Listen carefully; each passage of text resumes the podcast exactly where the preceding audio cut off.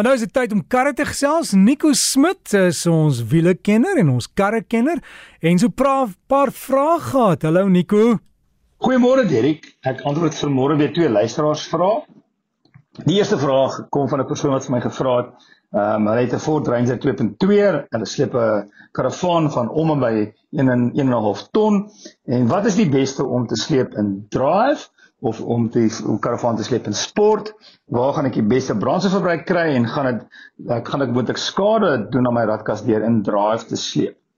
So persoonlik wat ek sou doen is ek sal eksperimenteer tussen drive en sport, maar kom ons verstaan eers die verskil tussen die twee. As jou voertuig um, wanneer jy rad uh, rad wanneer jy die radkas in drive sit en ek, ek vind dis nogal dieselfde of jy nou uh, in hierdie geval 'n Ford Ranger ry en of wanneer jy 'n sportmotor ry, wanneer voertuig in drive is dan gaan die radkas altyd na die volgende rad toe gaan so gou as moontlik. Met ander woorde, die idee is om brandstof te spaar. So as jy wegtrek so gou as moontlik na tweede, derde, vierde, vyfde, uh wat ook al hoeveel radde jy ook al het, en party outomatiese radkasse tot en met 10 radde, maar jy sal sien dat die die voertuig die revolusie so gou as moontlik so laag as moontlik hou, want dit gaan jou die beste brandstofverbruik gee.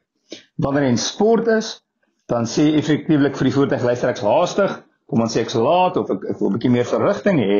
So dan gaan jy die, jou voertuig die rad langer hou. Met ander woorde, as jy wegtrek in eerste, gaan hy langer in eerste rad bly voor hy na tweede rad toe oorskakel en langer in tweede rad bly voor hy na derde rad toe oorskakel.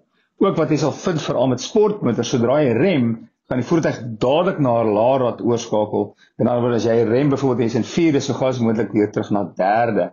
Ehm um, so jy gaan verseker meer kan uh, versnelling hê omdat die revolusies hoër is maar jy gaan ook in sport verseker ehm um, baie meer brandstof gebruik weer eens vir dieselfde rede om die voertuig langer in 'n rad hou en omdat die revolusies ba baie langer is.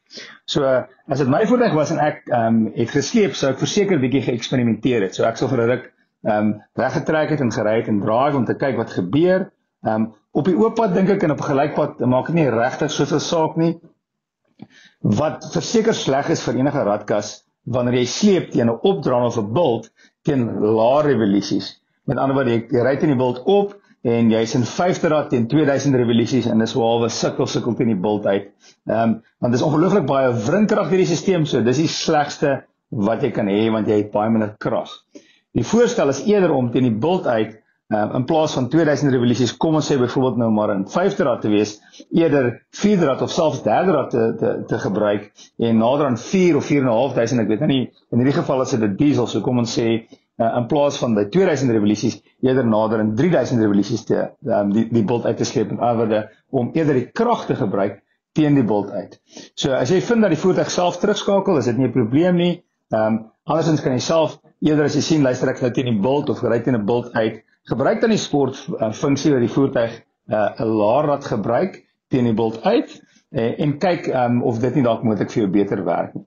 Ook um, net uh, in 'n afdraande sal ek ook voorstel dat jy die radkas self oorskakel na 'n laer rad as die voertuig dit nie doen nie. En in plaas van dan om jou remme te gebruik, gebruik in Engels praat ons van engine braking, met ander woorde jy gebruik die remkrag van die engine self. So as jy teen die bolt afgaan, selfs vierde, derde of moontlik is dit 'n baie styl bergpas is byvoorbeeld selfs tweede rad. So gebruik eerder die voertuig om jou karavaan te rem in plaas van om die hele tyd jou remme te gebruik want jy sal vind dat jy dan ook beter beheer het en dit jou remme um, of die kans is dat jou remme gaan oorverhit definitief baie minder is. Die tweede vraag gaan oor uh, sirkels en die vraag is asseblief kan ek weer verduidelik wat is die regte manier? Ek het so reg gelede gepraat oor oor sirkels is dit reg dat um, wanneer jy by 'n sirkel stop in dieselfde uh, tyd as iemand anders dat die voertuig aan die regterkant voorrang het met ander woorde hulle kan ry of as 'n voertuig die, van die regterkant af kom in die sirkel dat hulle kan gaan? Um, en dis verseker uh, reg. Met ander woorde die reël is baie duidelik. As jy by 'n sirkel is kan die voertuig wat van regs af kom of kom ons sê voertuig stop in dieselfde tyd die voertuig van die regterkant af het voorrang maar eintlik begin dit oor wat is hierdie is dit 'n mini sirkel of is hierdie 'n sirkel? So jy moet eers kyk na die padteken. So op pad na die sirkel gaan die padteken vir jou sê of dit 'n sirkel of 'n minisirkel is, want die reëls vir die twee is eintlik anders. Vir 'n minisirkel is die padteken 'n driehoek met die punt wat na onder toe wys, so dis 'n driehoek met rooi aan die buitekant en drie pile in 'n vorm van 'n sirkel. Uh, en dit sê dan vir jou of dit dui aan dat dit 'n minisirkel is.